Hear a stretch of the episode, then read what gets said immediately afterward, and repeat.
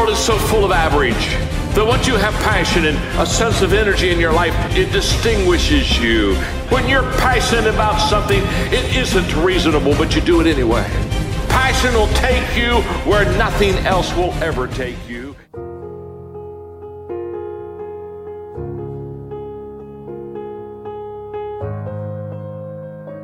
كم هي المرات التي ترددت فيها على مسامعنا عبارة اتبع شغفك فلا يكاد أي خطاب تحفيزي يخلو منها. ولا بد أنك تساءلت حينها عن ذلك الشيء الذي ستقوم به طوال العمر وذلك الدافع المحرك الداخلي الذي سيغير حياتك ويعطيها معنى. وما الشعور الذي اعتراك وقتها؟ هل كان خوف لوم أم تشتت وضياع؟ هل ما زلت تبحث عن إجابة مثالية لهذا السؤال ولم تصل بعد؟ لا بأس لست وحدك وأريد هنا أن أتوقف قليلا وأغتنم الفرصة للتعريف بنفسي. اسمي مشاعل وأنا وللأسف لا يوجد لدي شغف وحيد بل عدة. فلدي شغف بالكتابة بالحياة الواعية وأساليب التشافي الذاتي بالريادة وإدارة الأعمال بالسفر وخوض تجارب جديدة. ولفترة ما من حياتي كنت مهتمة جدا بتصميم الأزياء والتصوير. لوقت طويل ظننت أن هناك عيب ما في لماذا لست مثل الأشخاص أمثال بيل جيتس، ستيف جوبز وأوبرا وينفري الذين عرفوا ما يريدون منذ صغر أعمارهم وركزوا عليه حتى برعوا فيه وتركوا بصمتهم في هذا العالم لماذا لدي كل هذه الاهتمامات داخلي ولا أستطيع اختيار شيء واحد فقط؟ Passion is not a plan. It's a feeling. And feelings change.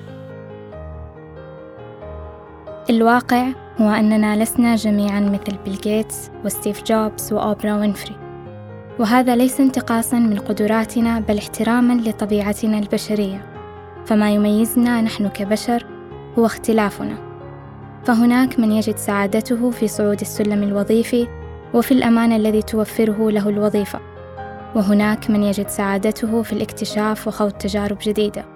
وهناك أيضا من يجد سعادته في اتباع طريق واحد أو شغف وحيد.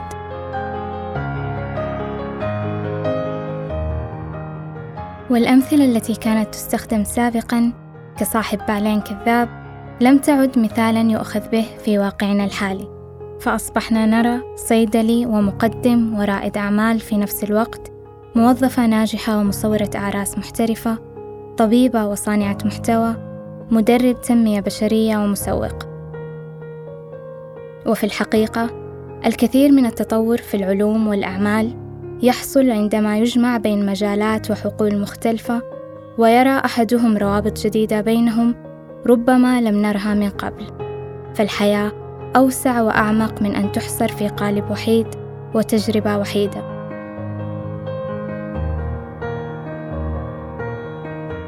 ماذا لو لم يكن لدي أي اهتمام بالأصل؟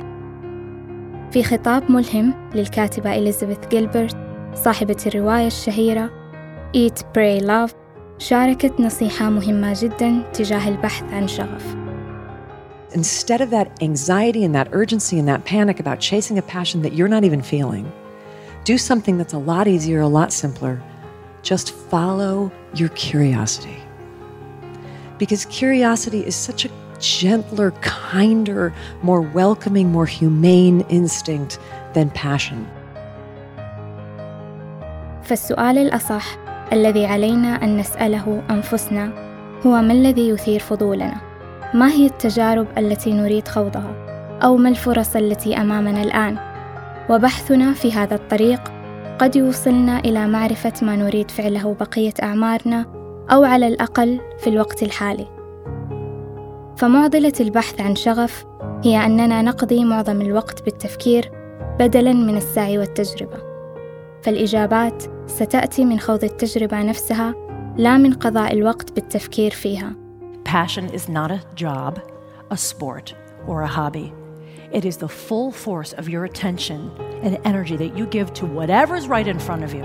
And if you're so busy looking for this passion, you could miss opportunities that change your life. جرب وإن لم ترى جدوى يمكنك دوما تغيير مسارك وخوض تجربة أخرى.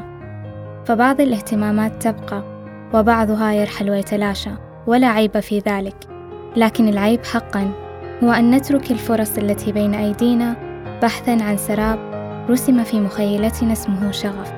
سيغير حياتنا في يوم ما ربما سيظهر وربما لا. To live a life full of meaning and value, you don't follow your passion. Your passion follows you.